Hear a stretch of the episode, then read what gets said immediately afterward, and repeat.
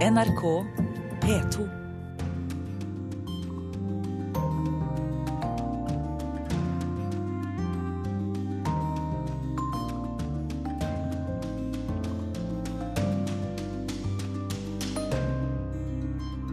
Trick or treat i den amerikanske valgkampen. Both parties did a very good job of recruiting candidates. Rekrutteringen til valget i år har vært spesielt god. Det gjør duellene hardere. Urix på lørdag går tett på de avgjørende dagene. Nye protester mot regjeringshaverne i Ungarn.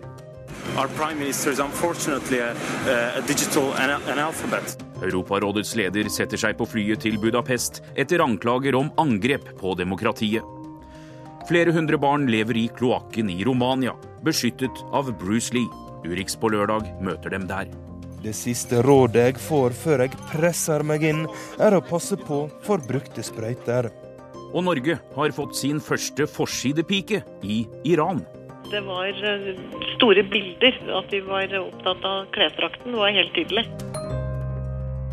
God formiddag. 1. november, allehelgensdagen. Dette er noe av menyen den neste timen hos NRKs utenriksredaksjon Urix på lørdag. Jeg heter Anders Tvegård, og vår emneknagg på sosiale medier er NRK Urix. Mot slutten av sendingen får vi en innføring i britiske tradisjoner når korrespondentbrevet åpnes. Jeg hadde ikke mer enn fått stukket en pint i neven fra kameraten min, før han satte opp store øyne og sa har du ikke på deg Poppy?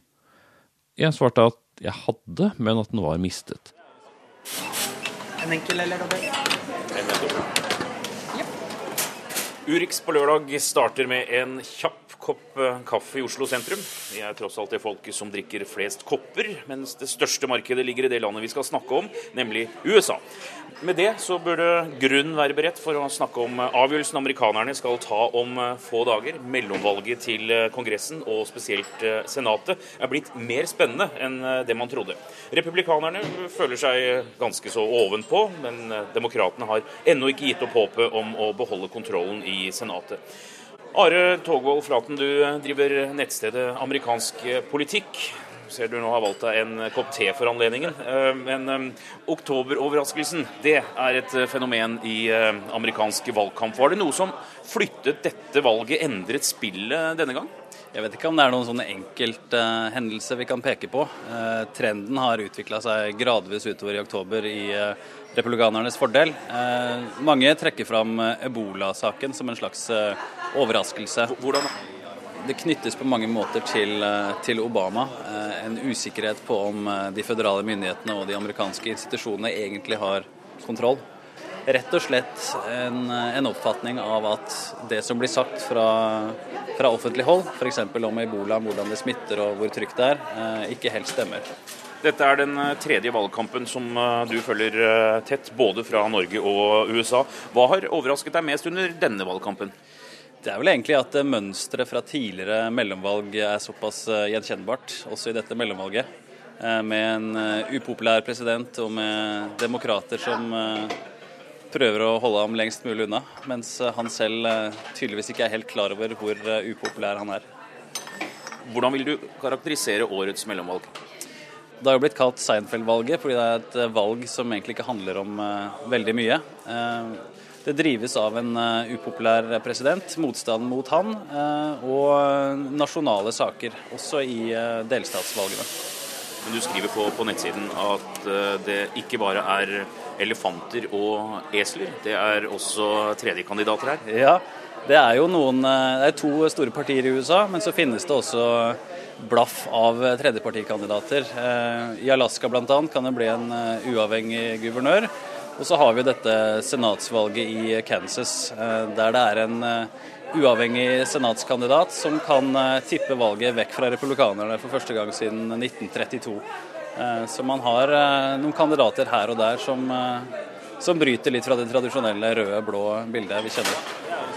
En av eh, korrespondentene våre i USA, Tove Bjørgaas, har eh, også vært ute. Og hun rapporterer om et ekstraordinært personfokus i eh, årets valgkamp. That's me, as a little kid. We lived on Islington Street in Portsmouth. My mom was a waitress at Hampton Beach. This is our granddaughter, Allison Lundergan Grimes. It's a long name. I loved making that ad. My dad was point guard for the Perry Panthers. I tried to follow in his footsteps. He went into politics. No, I didn't follow him there. Instead, I devoted my life to raising a family. Tre av utfordrerne i årets valg til Senatet presenterer seg for velgerne på sukkersøtt amerikansk vis. I'm Michelle Nunn. Now I'm running for Senate. Michelle Nunn, demokrat og datter av tidligere senator Sam Nunn, forsøker å bli sørstaten Georgias nye senator. Mens republikaneren Scott Brown og demokraten Alison Grimes kjemper med nebb og klør i henholdsvis New Hampshire og Kentucky. Det har aldri blitt brukt så mye penger i en kongressvalgkamp før. Og de fleste av dem har gått til TV-reklame. I et land der enkeltpersoner stiller til valg for alle posisjoner, blir personfokuset derfor stadig sterkere. Well, our media age and our candidate-centered politics um. I denne mediealderen og med vårt kandidatsentrerte system handler selvsagt mye om menneskene, forklarer Lara Brown, leder for Senter for politisk ledelse ved George Washington-universitetet her i hovedstaden. Hun understreker imidlertid at rekrutteringen til valget i år har vært spesielt god, og at det gjør duellene hardere. The candidates who choose to get in to these races got in a year ago, and part of the competitiveness we're seeing is that both parties did a very good job of recruiting candidates. So there is essentially structural parity. In 2008, 95% of black folk in North Carolina voted for Kay Hagan. Når noen er villige til å donere titalls millioner til valgkampen i et mellomvalg, blir det også tett mellom personangrepene. Kay Hagen, som forsøker å bli gjenvalgt som demokratisk senator fra Nord-Carolina, har fått merke det.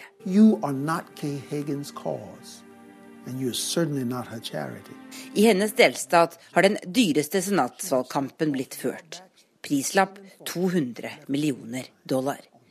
Hagen leder knapt på meningsmålingene tre dager før valget.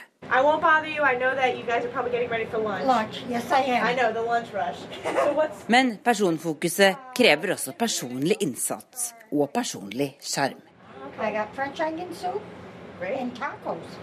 Nice. I ei lita bygd i Adirondack-fjellene i delstaten New York stikker 29 år gamle Elise Stefanik innom så mange kafeer og butikker hun kan. Um, I think we need a new generation of leadership in Washington, and um, I'm proud to be a young female candidate. I think we need more women candidates running, uh, regardless of party affiliation. Stefanik er republikaner og forsøker å bli valgt til Representantenes hus som den yngste kvinnen noensinne. Hi, I'm Elise.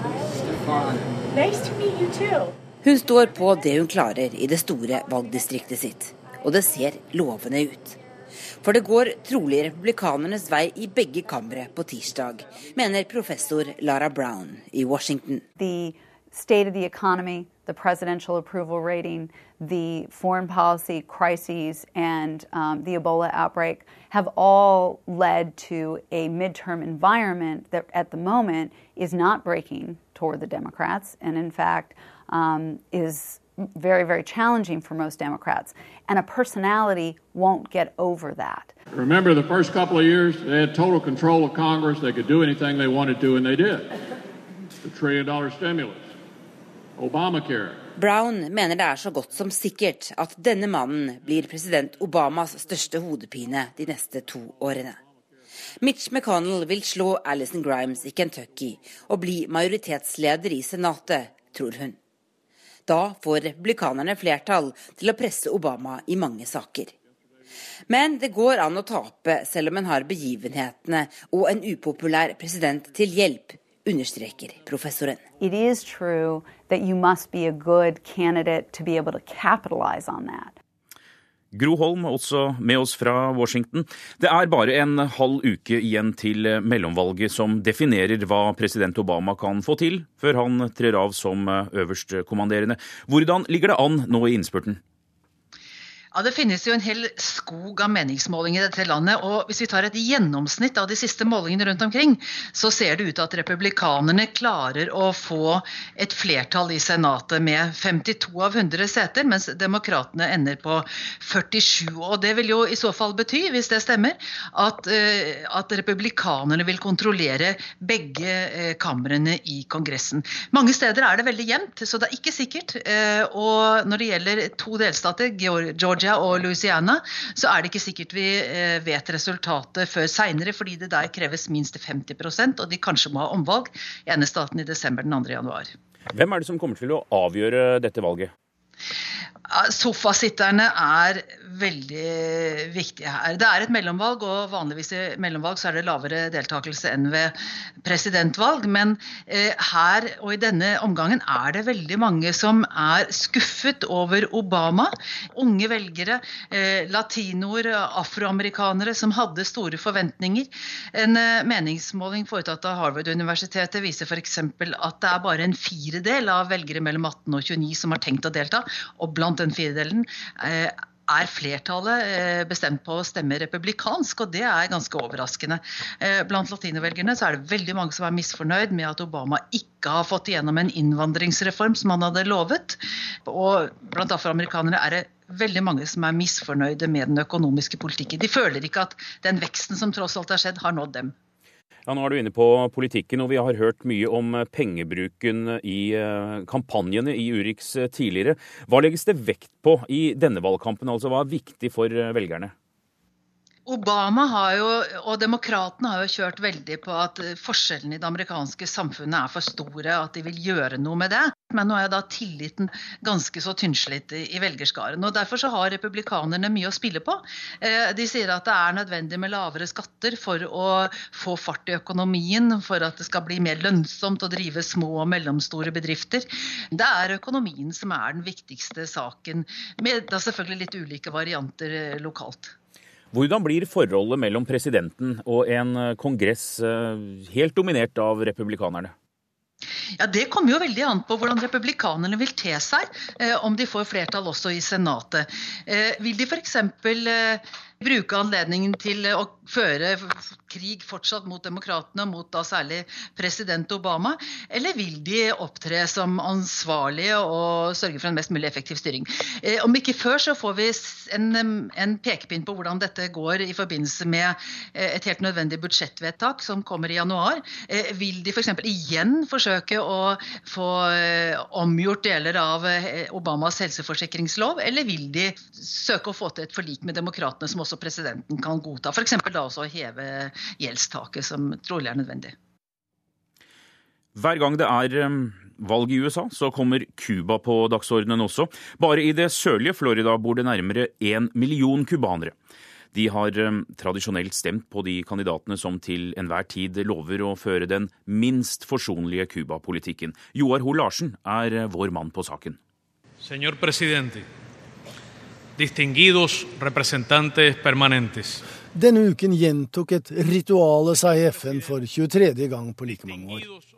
Hovedforsamlingen stemte over en resolusjon der USA blir bedt om å oppheve handelsboikotten av Cuba.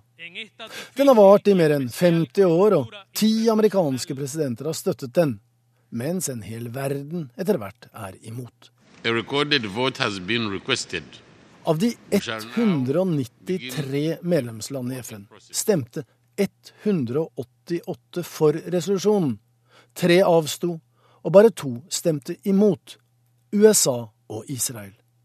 For nordamerikanerne viker ikke. Mr. President, this resolution only serves to distract from the real problems facing the Cuban people, and therefore my delegation will oppose it. Cubanerne, og mange med dem, mener boikotten er urimelig, rammer sivilbefolkningen og er gått ut på dato. Her ifølge Cubas utenriksminister Bruno Rodriguez. El sufrimiento de nuestras familias no puede contabilizarse. USAs representant Ronald Goddard hevder at Cuba kan få boikotten opphevet på dagen om de bare innfører demokrati for alle landets innbyggere. Dette har vært et krav siden Fidel Castro og hans meningsfeller tok makten på Cuba i 1959, da revolusjonslederen holdt flammende taler mot imperialisme og for væpnet kamp, bare 150 km fra det nordamerikanske fastlandet. Bien armado, como el que ha organizado Estados Unidos en Vietnam, es posible aplastar el movimiento revolucionario guerrillero. Men etter 50 år er det tegn til endring i det eksilcubanske miljøet i Florida. The politics underpinning America's policy for 50 years is starting to shift. Tidligere i år meldte BBC at noe er i ferd med å skje.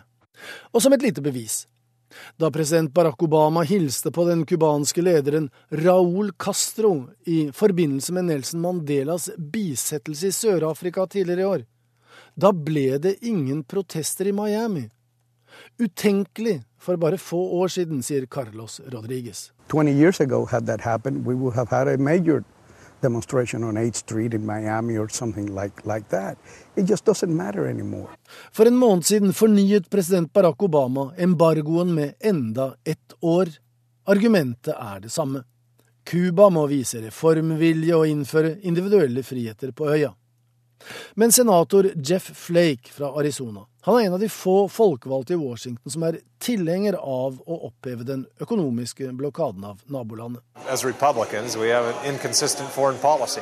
We preach engagement and commerce and contact Vietnam. Det henger ikke på greip å ha ulike typer utenrikspolitikk i forhold til land som Kina, Vietnam og Nord-Korea, og så stenge døren til Cuba, sier Jeff Flake. Det demokratiske partiets sannsynlige presidentkandidat i 2016, Hillary Clinton, har kalt embargoen Castros beste venn, og ser gjerne at den blir hevet uten at hun har sagt det åpent og direkte. Men når hun lufter slike tanker, blir hun angrepet av det republikanske partiets Wonderboy Marco Rubio, selv en mulig presidentkandidat i 2016.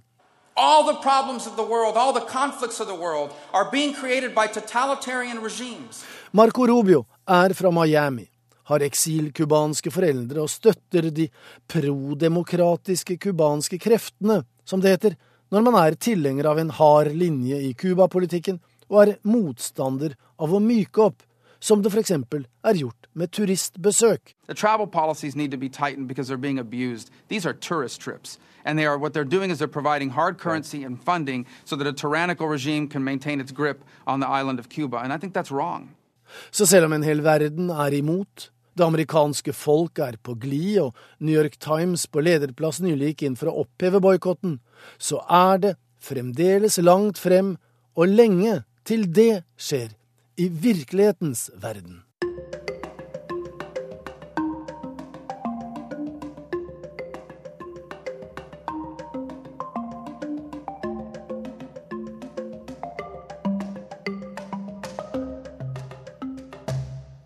Nå skal vi bli bedre kjent med en karismatisk leder under bakken.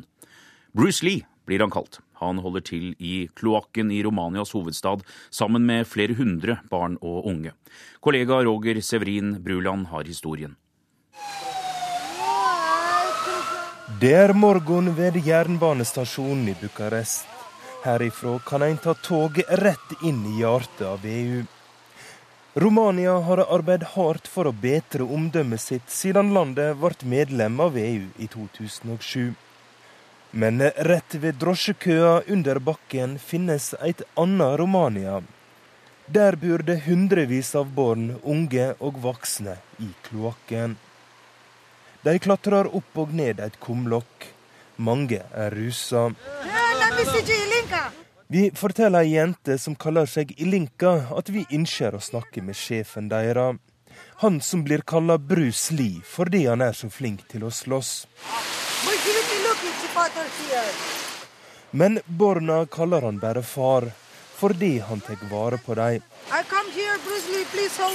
Når Bruce Lee stiger opp av kummen, går han i svart skinnjakke innsmurt i sølvlakken som mange av ungdommene rundt han sniffer. Han har ikke skjorte på, og vi kan skimte de mange tatoveringene og arra etter sjølskading på kroppen. Rundt livet klirrer nøkler i alle former og fasonger.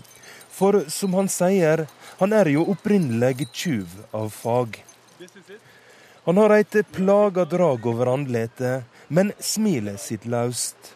Han gliser når han ber NRK inn i et trangt hull, som er inngangen til buavdelinga i kloakken. Det siste rådet jeg får før jeg presser meg inn, er å passe på for brukte sprøyter.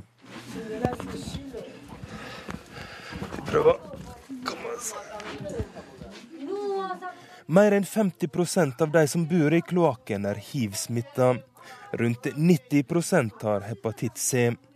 I tillegg er det mange som har tuberkulose. Så er det kokende varmt der inne. Her foregår det åpenlyste narkotikasalg. og Det ligger sprøyter overalt. Der er vakthunder. I en krok sitter noen jenter og setter sprøyter med heroin. De får kjeft av Bruce Lee fordi de er så rotete.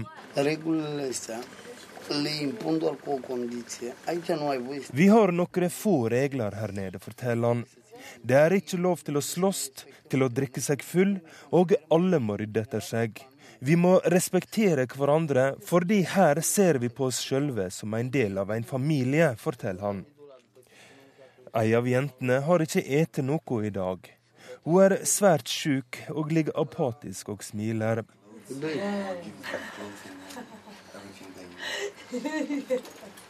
Armene er fulle av sprøytearr.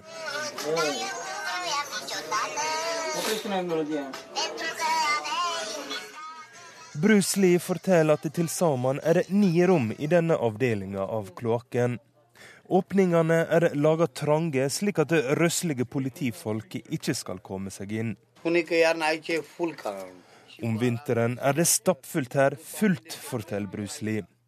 De har lys, varme, og jeg kjøper de klede hvis de trenger det. Jeg spør om de virkelig ikke har noe annet valg enn å bo i kloakken. Kan de ikke skaffe seg et liv på overflata?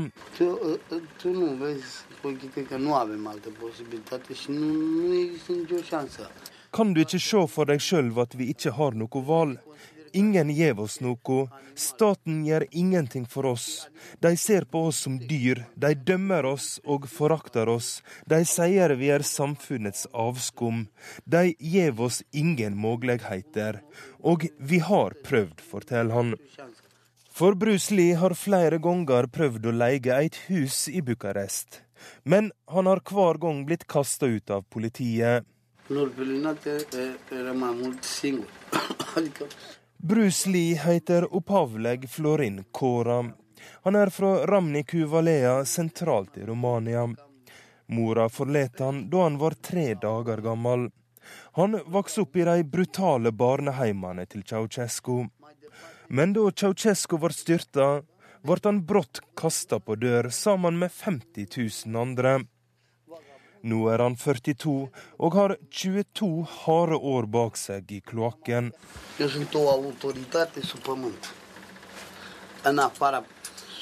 Jeg er autoriteten under jorda.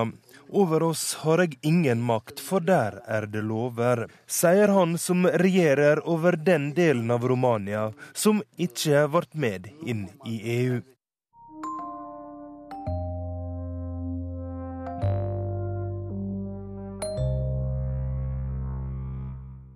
En blå hedmarksbunad har blitt en snakkis i Iran. Og for første gang har også en norsk ambassadør blitt forsidepike i iranske aviser, med påfølgende reaksjoner i kommentarfeltene. Det var du, Aud Lise Norheim, som stilte opp hos presidenten denne uka for å gi ham papirene dine. Er du overrasket over oppmerksomheten? Jeg ble nok overraska over at det ble så mye presseoppslag etterpå, og så mye snakka om det. Men jeg tror, altså For det første så ble det jo lagt merke til fordi at jeg er da den eneste kvinnen som var der, og er her som ambassadør, og også fordi at jeg var mer Jeg hadde jo pynta meg mer på en måte enn de mannlige kollegene som overleverte akkreditivene, som stilte i vanlig dress. Og det ble liksom en veldig stor kontrast, tror jeg. Hvorfor tror du Iran er opptatt av bunaden din?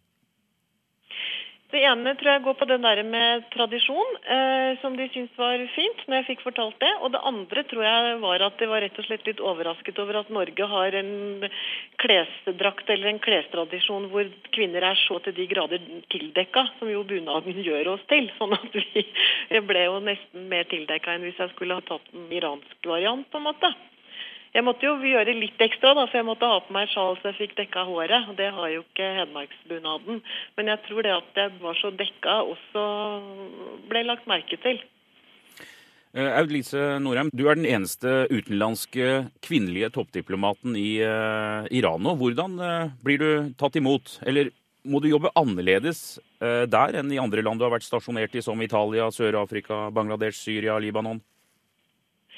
Ja, noe annerledes må jeg jobbe. Altså, jeg må si at Det er ganske spesielt å være eneste kvinne. Altså, det er nesten sånn at jeg føler meg satt tilbake til kvinnekampen på 70-tallet, liksom, hvor du måtte kjempe deg fram og være den eneste i noen posisjoner. Men samtidig så tror jeg at det er en god del fordeler ved det, og det er det jeg vil bruke. fordi at Det er liksom to deler. Den ene er at jeg er Norges ambassadør. Og ambassadør er på en måte kjønnsnøytralt. Jeg representerer Norge. Den andre delen er at jeg er kvinne, og dermed så har jeg tilgang til en del miljøer som mine mannlige kolleger ikke har. Bl.a. Eh, opptredener med kvinnelige musikere, med kvinnelige dansere, som jo er forbudt for menn. Altså det er forbudt for kvinner å opptre i sammenhenger hvor det da er menn. Og jeg kan gå på den type konserter og da se noe annet enn det menn kan. Jeg tror at Norge på en måte får en fordel ved at jeg er her, ved at jeg kan se mer totaliteten av, eh, av samfunnet. For eh, første gang på tolv år så velger Norge å sende mm, utenriksministeren til eh, Iran. Børge Brende han lander i dag. Hva gjør at Norge vil knytte tettere bånd til regimet? Jeg tror at det er flere ting. Altså det ene er jo det bilaterale forholdet, som vi da må sette inn i sammenheng med hva skjer i atomforhandlingene og tidsfristen 24.11. At hvis det blir en avtale, så er det klart at det åpner opp for et bredere samarbeid. Den andre delen av det er jo den regionale konteksten. Altså, det er mye, For å si det forsiktig, så er det mye uro i landene rundt Iran. Og Iran har, eh, har stor innflytelse. Og det er klart at det å ha kontakt med Iran i den, eh, i den regionale konteksten er, eh, er veldig viktig.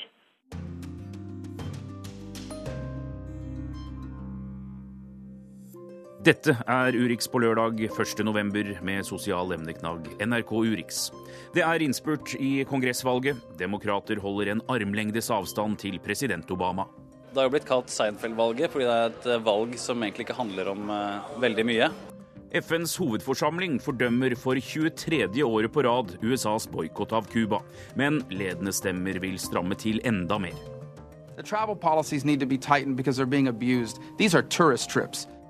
De neste minuttene skal vi til Budapest, Tunis, London og høre at en ny norsk duo har inntatt internasjonale toppjobber i København. Den eh, ungarske regjeringen er under press fra flere kanter. Tjenestemenn er nektet innreise til USA pga. korrupsjon. På hjemmebane har tusenvis av demonstranter gått ut i Budapests gater for å protestere mot regjeringens forslag om skatt på internettbruk.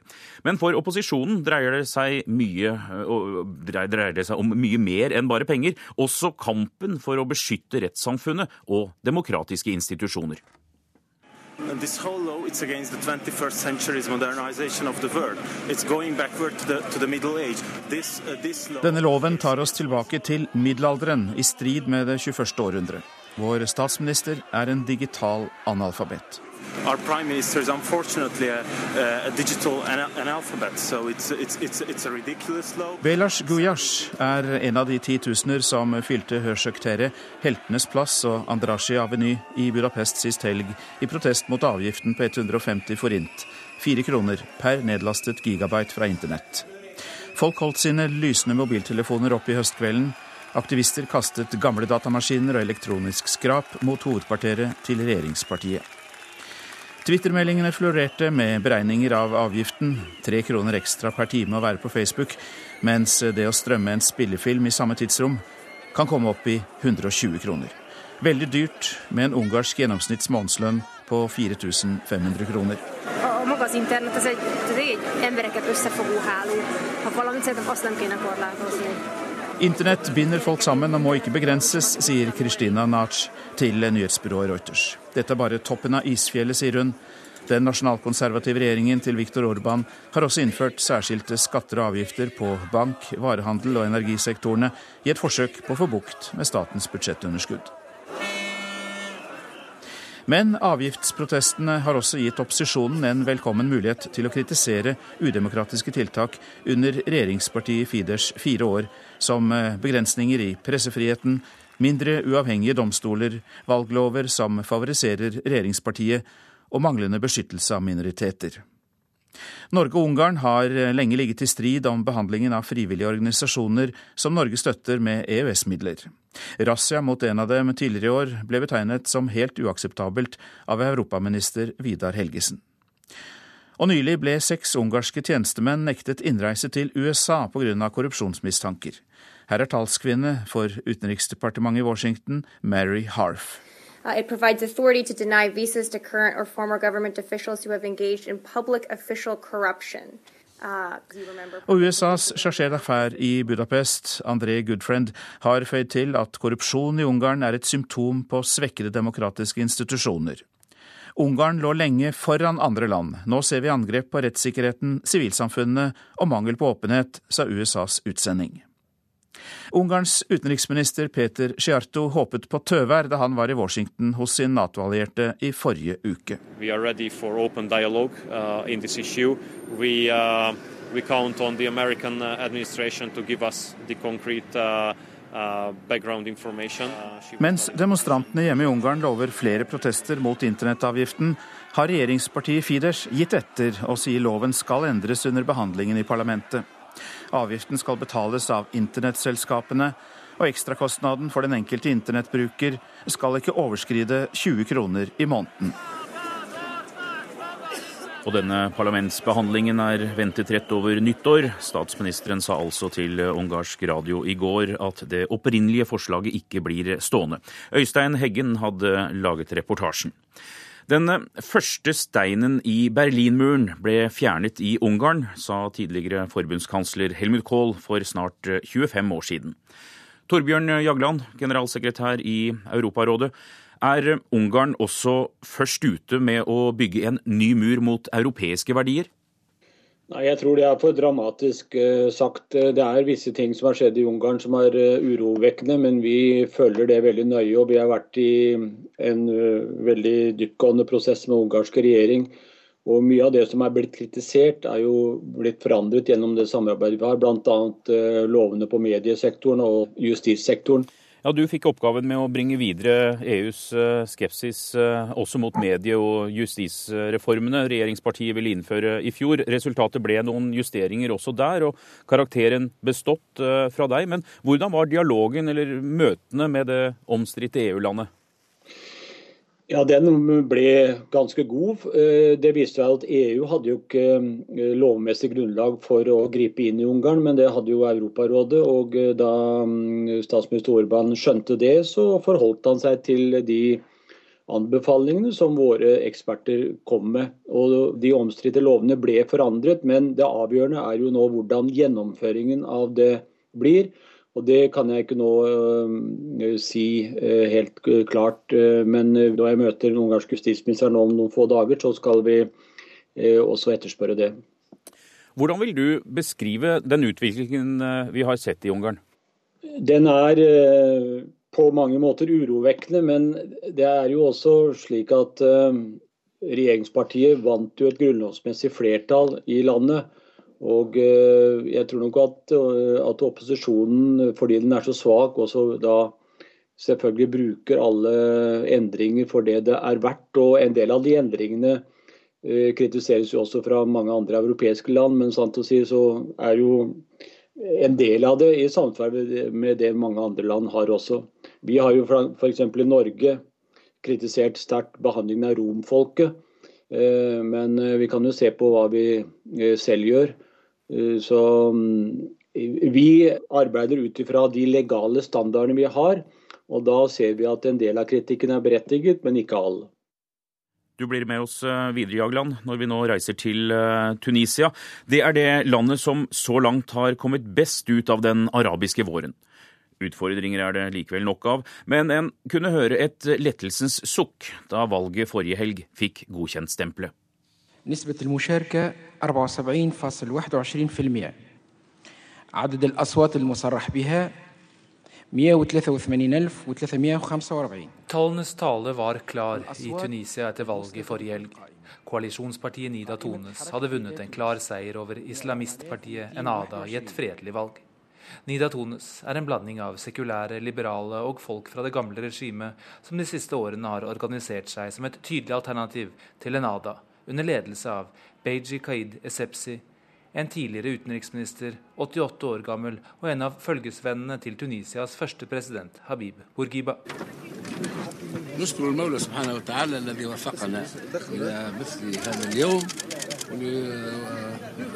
Jeg takker Gud for at vi er kommet til en dag som denne, da vi kan stemme, og at det tunisiske folket er invitert til å delta i denne prosessen.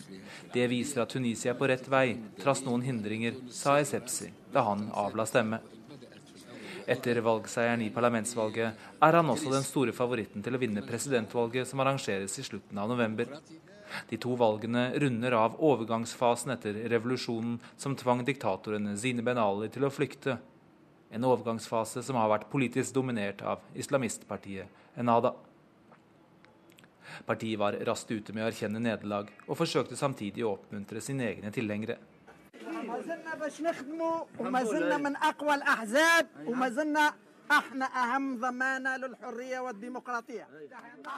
Vi vil fortsette å jobbe, og vi er fortsatt et av de største partiene for demokrati og frihet. Vi er et politisk parti med dype retter, og vi går fortsatt forover. Ikke vær redd, sa Ali Larayedi, tidligere statsminister og sentral i Enadas valgkamp. Enada har blitt rost for den måten de raskt erkjente nederlaget på. De har allerede vist at de har god politisk teft, i hvert fall bedre enn deres ideologiske åndsfrender i Det muslimske brorskap i Egypt. Etter gateprotester, drapet på to venstresidepolitikere og en kaotisk tilstand i tunisisk økonomi overlot de makten til en overgangsregjering tidligere i år. Deretter ble de enige med sine rivaler i Nida Tones om et kompromiss om en ny grunnlov. Dette skjedde under press, og var nok ikke like velvillig som Enadas politikere i dag liker å fortelle om. Men etter kuppet i Egypt og borgerkrigen i Libya var dette med på å redde Tunisias spede demokrati, og kanskje også deres eget parti. Nå ligger ansvaret hos valgvinnerne Nida Tunes for å skape et inkluderende demokrati. Og det mangler ikke på utfordringer for Tunisia i tiden som kommer. Arbeidsledigheten og misnøyen er fortsatt stor blant de unge. Og landet har også et stort sikkerhetsproblem med radikale jihadister. Ingen arabiske land har hatt så mange fremmedkrigere i Syria som nettopp Tunisia. Sa Midtøsten-korrespondent Sigurd Falkenberg Mikkelsen. Tilbake til deg, Torbjørn Jagland. Gjennomsiktig og troverdig er ord som brukes når internasjonale observatører omtaler valget. Tunisia som en suksesshistorie nevnes også. Men er det så problemfritt og udramatisk? Eh, nei, situasjonen i Tunisia er jo egentlig ikke udramatisk. Fordi landet er jo tynget ned i veldig store økonomiske problemer. Og man drar jo med seg eh, videre eh, korrupsjonskulturen som hadde utviklet seg i, landet, og som var utgangspunktet for revolusjonen. Men eh, det er likevel positivt at man i motsetning f.eks. i Egypt og ikke minst i Libya, så har man fått til en grunnlovsprosess og enighet om et valgsystem som er en god basis for å kunne gå videre. Dere var eh, raskt ute i Europarådet med å hjelpe til i eh, Tunisia. Hva gjorde at dere eh, lyktes der og ikke i andre arabiske land? Ja, F.eks. så er jo forskjellen til Libya slående. Libya er jo preget av et stammesamfunn og som ble holdt sammen ved Gaddafis despotiske makt. Mens i Tunisia så hadde man et sekulært samfunn relativt moderne samfunn og et ganske homogent samfunn. og det dannet da grunnlaget for at man kunne ha en eh, normal politisk prosess og, og bli enige om en, en, grunnlov. Og Vi rykket da inn med vår ekspertise som er eh, anerkjent over hele verden for hvordan grunnlover skal se ut nå. Eh, og vi hjalp dem da med, med det for å få denne prosessen i gang. Er eller var Europas tette bånd til eh, diktatorene i eh, Nord-Afrika en eh, hindring for videre arbeid? Ja, absolutt. Og det er jo grunnen til at vi, altså Europarådet, har fått en særstilling her. EU ble sett på som en forlenget makt av de gamle kolonimaktene. Mens Europarådet er jo en paneuropeisk organisasjon eh, med 47 land som man ikke så på på den måten. Og vi har ikke noen geopolitiske eller økonomiske interesser, vi har kun en interesse av å, å skape et eh, felles eh, legalt område som kan ta tak i de store utfordringene som vi har sammen, som f.eks. er menneskehandel, som er internasjonal kriminalitet, vold mot barn og kvinner, korrupsjon og alle disse tingene som vi ser i Europa, men som vi ikke minst ser i Sør-Middelhavet. Det som utløste opprøret i eh, Tunisia i 2011, eh, arbeidsledighet og fattigdom, det er eh, ennå ikke løst. Hvordan anser du faren for at alt går i, i vasken igjen? Det er selvfølgelig en stor fare for det. fordi Hvis folk ikke ser um, lyspunkter og ser resultater av uh, sin egen revolusjon, så kan jo mer ekstreme krefter få vind i, i seilene. Det at man har skapt en, et politisk grunnlag der de forskjellige politiske kreftene kan konkurrere om makten og uh, samarbeide også, som vi har sett, det er jo en forutsetning for å få bukt med det som jeg tror er hovedproblemet i Tunisia og i alle landene rundt, nemlig korrupsjonen. Korrupsjonen er en kreftsvulst som man må bli kvitt hvis man helt tatt skal ha sosial og økonomisk framgang.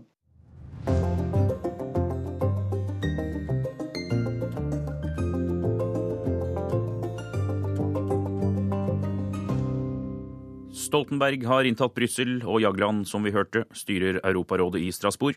Men en trenger ikke kikke så langt ned i Europa for å finne en annen nordmann på en internasjonal toppost. Oppi det aller helligste her, det har jeg ikke fått lov å komme før, så det var hyggelig. Dagfinn Høybråten, generalsekretær i Nordisk ministerråd, har fått fint besøk på den fasjonable adressa hans ved Stranden midt i København. Kart over Norden. Fint, ja. ja, jeg har litt eh, mindre ansvarsområde enn deg da, Grete. Ja, du har det, men jeg må se, er du klar over hvor Byglandsfjord ligger? Byglandsfjord? Ja. Høybråten har det siste halvannet året leia samarbeidet mellom de fem nordiske landene samt Åland, Færøyene og Grønland. Grete Farmo har tatt veien inn til sentrum fra den nye FN-byen ute på Østapå. Der har hun siden august vært executive director av FN-organisasjonen United Nations Office for Project Services, kalla UN-OPS. Nei, men det hadde vært helt eh, supert. Det som er veldig koselig her, er uh, da om morgenen når uh, dronningens livgarde kommer forbi og spiller uh, pikkolo. Marsjerer rett forbi vinduene her. Fra hvert sitt hjørnekontor arbeider de altså langt fra Norge. Men de ser klart fordeler ved å ha en bakgrunn i norsk politikk. Norge har et godt varemerke. Å komme som eh, tidligere norsk politiker og statsråd nesten hvor som helst i verden gjør at jeg møter en åpen dør.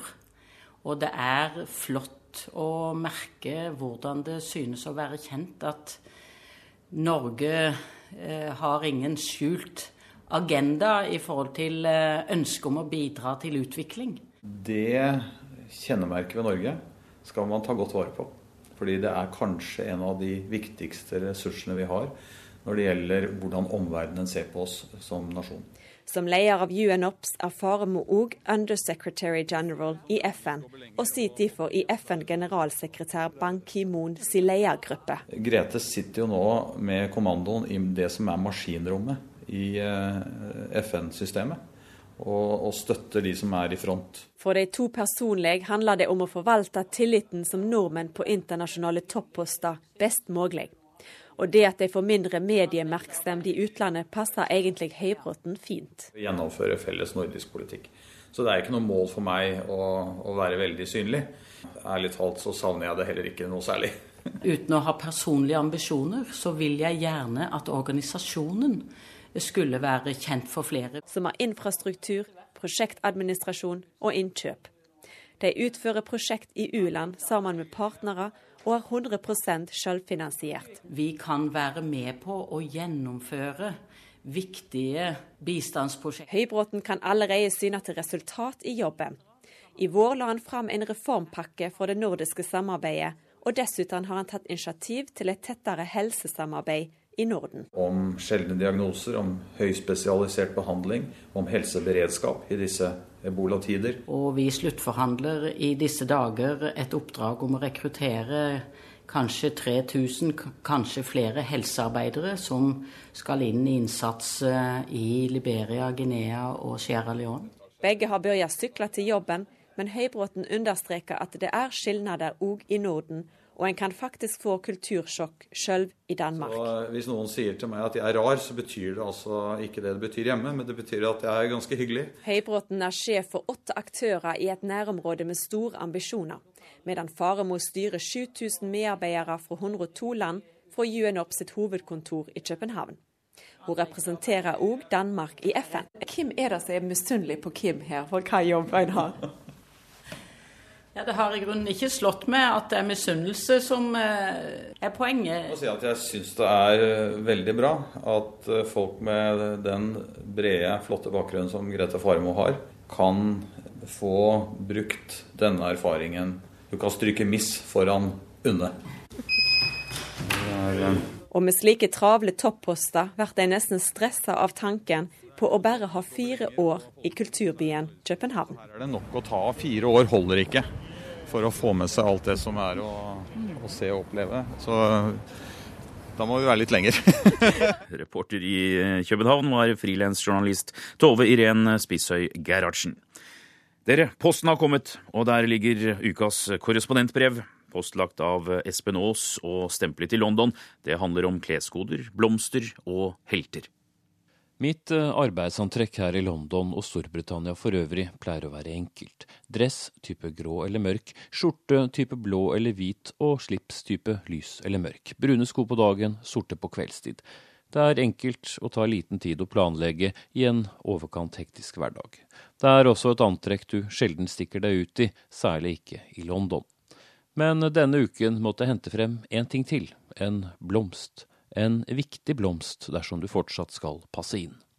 Har du sett en nyhetsreportasje fra Storbritannia denne uken, har du sett at enten jeg eller andre har en poppy, en rød valmue med et grønt blad på jakkeslaget. Vi er i en slags oppkjøring til Remembrance Sunday, den søndagen som kommer nærmest 11. november, datoen da krigen som skulle ende alle kriger, selv var over i 1918, første verdenskrig. I et par uker frem til den dagen bærer briter disse poppyene, som en hyllest til de som ga sitt liv i den krigen, og også de som har gitt livet sitt i The British Armed Forces eller Storbritannias forsvarsstyrker i årene etterpå. Det bringer med seg en aura fra da Storbritannia fortsatt var stor, en stor makt, før supermaktenes tid, da det britiske imperiet hersket over en femdel av jordens befolkning, da ingen ville finne på å kalle det en ubetydelig liten øy, slik en av Vladimir Putins talsmenn gjorde i fjor. Og det var ingen liten innsats det britiske samveldets styrker utgjorde i første verdenskrig. Det var ikke få som ga livet sitt heller. 888 246 personer vendte aldri hjem. Det er for dem britene opprettet denne spesielle dagen i november. Det er dem de i disse ukene hedrer ved å bære denne blomsten. De kjøper den fra en av veteranforeningene som står i sine gamle uniformer på jernbanestasjoner, på tubestasjoner, på kjøpesentra og ellers der folk ferdes en valmue, fordi de grufulle skyttergravskrigene fra den gangen foregikk nettopp på valmueåkre i Frankrike, og har siden blitt stående igjen som et symbol på de falne. Ikke bare her, selvsagt, i mange land, men få minnes sine falne for et århundre siden, slik som britene gjør. Jeg bærer også mer enn gjerne en poppy, av to grunner. Hvorfor skal ikke jeg hedre innsatsen disse 888 246 menneskene gjorde for landet, for verden, den gangen, enten de kom fra London eller Bombay? Dernest gjør jeg det av respekt for dagens innbyggere. Størsteparten av innbyggerne her i dette landet jeg er gjest i, bærer den jo. For mange er det en større markering dersom du ikke går med den, for hvorfor hedrer du ikke heltene våre, tenker folk når de ser nakne jakkeslag i disse dager. Det vil si, jeg går noen ganger uten, om enn ikke så lenge av gangen. Jeg skifter naturlig nok dresser og jakker, ofte i en fei, og farer av sted med poppin hengende igjen i klesskapet på et annet plagg. Ellers er jeg også svært flink til å miste dem. Det er festet med et slags lim eller en nål, men faller lett av. Når det skjer, gir det en sterk følelse av nakenhet. Nakenhet overfor en krigshistorie jeg på ingen måte er en del av, men som jeg altså velger å vise min respekt for. Vi har av naturlige grunner ikke det samme forholdet til første verdenskrig i Norge, men har heller langt fra det samme forholdet til egne krigshelter. Det er ingen årlig markering for falne soldater som alle tar del i. Her er det annerledes, og det tas alvorlig. Veldig alvorlig. I fjor på denne tiden skulle jeg møte en kamerat på puben The Wellington like ved Waterloo stasjon. Et eller annet sted mellom hjemme og The Wellington var poppyen min blitt borte. Jeg tenkte ikke så nøye over det, det var min første poppy-sesong på 14 år. Men jeg hadde ikke mer enn fått stukket en pint i neven fra kameraten min før han satte opp store øyne og sa har du ikke på deg Poppy? Jeg svarte at jeg hadde, men at den var mistet. Han mumlet et eller annet, ristet lett på hodet og forsvant. Ett minutt senere var han tilbake med en Poppy og festet den på jakkeslaget mitt. Du må vise respekt, kamerat, sa han. Du må vise respekt. At jeg som NRKs korrespondent ut fra eget valg går med en Poppy, er én ting. Hos mine kolleger i den britiske allmennkringkasteren BBC er det noe ganske annet. Der er det nemlig påbudt for alle som er på skjermen. Alle nyhetsankerne, alle korrespondentene, alle reporterne, alle som møter folk.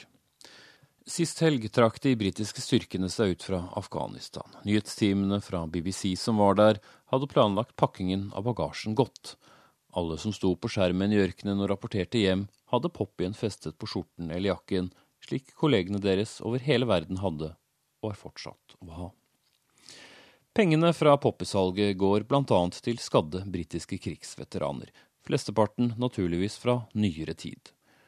Innsatsen de gjorde i både første og andre verdenskrig er én ting, men mange oppdragene britiske styrker har hatt i nyere tid, er langt mer kontroversielle. For hyllesten er ikke nødvendigvis like unison for de som tjenestegjorde under tiårene med konflikt i Nord-Irland eller Afghanistan eller Irak. Dette er langt mer betente konflikter, og du støtter også disse soldatenes innsats indirekte ved kjøpet en Poppy, selv om det jo er de gamle heltene dagen markeres for. Det nordirske partiet Sinn Fein med sine gamle bånd til IRA kritiserte påbudet for BBC-ansatte for noen år siden og sa at pengene fra salget stort sett gikk til å bygge monumenter for gale generaler eller klubber for krigens elite. Over grensen i sør, i Irland, er de heller ikke like opptatt av å hylle de britiske styrkene, selv om mange irer slåss sammen med dem under første verdenskrig. For de samme britiske styrkene var deres fiende da irene kjempet for uavhengighet rett etter første verdenskrig. Heller ikke alle muslimske organisasjoner syntes det var helt greit å hylle britiske soldater for deres innsats i den USA-ledede såkalte krigen mot terror som den britiske regjeringen så helhjertet støttet. Også i mediene har noen trukket i bremsen. For de aller fleste som jobber i andre kanaler enn BBC, har også en poppy når de er på skjermen.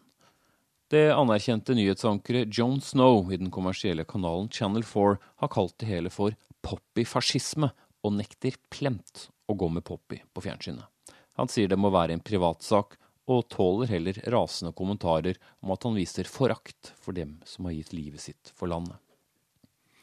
En som gjorde noe av det samme, var det noe mindre profilerte nyhetsankeret Charlene White. I fjor ledet hun de lokale nyhetene til TV-kanalen ITN i London. Hun sa hun ville fremstå som objektiv og ikke vise støtte til én veldedig organisasjon fremfor en annen. Derfor valgte hun å ikke stå på TV med en poppy. Det gikk ikke akkurat upåaktet hen i sosiale medier. En flodbølge av rasistiske meldinger slo inn over henne. Selv om hun er født og oppvokst i London, er foreldrene av nigeriansk herkomst.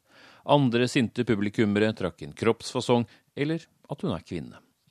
Det er visst ingen privatsak om du vil støtte krigshelter, tydeligvis. Til tross for bråket ble hun tidligere i år den første svarte kvinnelige programleder på riksnyhetene i den samme kanalen stadig uten Poppy, men kanalen har valgt å legge ut forklaringen hennes på hvorfor på nettsidene sine. Skjønt eh, alles innsats fra de store krigene er ikke alltid hedret. Det ble vi minnet om for bare noen uker siden, da filmen The Imitation Game til den norske regissøren Morten Tyldum var åpningsfilm under filmfestivalen i London. Filmen er basert på en stor helt fra andre verdenskrig, og som trolig reddet millioner av liv med sitt arbeid, selv om han ikke bar uniform. Jeg snakker om mattegeniet Alan Turing, som var med på å knekke nazistenes enigmakode. Takket være arbeidet er det en allmenn oppfatning at andre verdenskrig ble forkortet med flere år. Dessverre for Turing var arbeidet hemmeligstemplet, så det ble ikke snakket om. Men det var noe enda verre. Han var homofil. Noe som var strengt forbudt frem til slutten av 60-tallet, og i stedet for heder for krigsinnsats fikk han straff for seksuell legning. Han fikk velge mellom fengsel og kjemisk kastraksjon. Han valgte det siste, men valgte også å ta sitt eget liv angivelig ved å spise et eple han hadde injisert med syre, som fra eventyret om Snøhvit. Men alt dette var hemmeligstemplet. Han fikk først sin anerkjennelse 55 år etter sin død. Helt og homo passet ikke så godt sammen. Men i år er det en ekstra stor markering av de 100 årene som er gått siden utbruddet av den store krigen. Utenfor det en gang så beryktede Tower of London er det satt opp et imponerende skue, 888 246 poppier av keramikk, én for hver av de døde. Folk flokker dit i hopetall. Så fullpakket er området at det nå er blitt leid inn ekstra vakter for å ta seg av de enorme mengdene.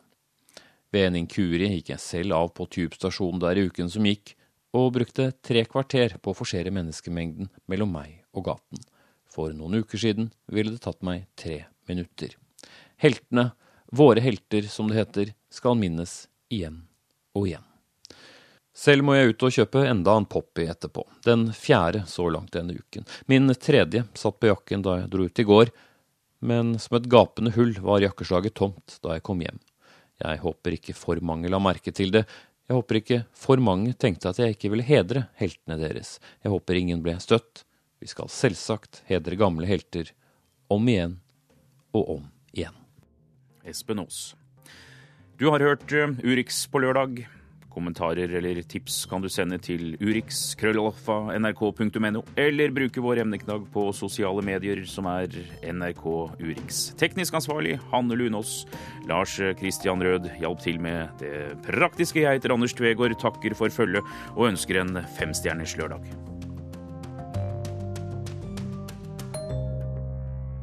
Hør flere podkaster på nrk.no podkast.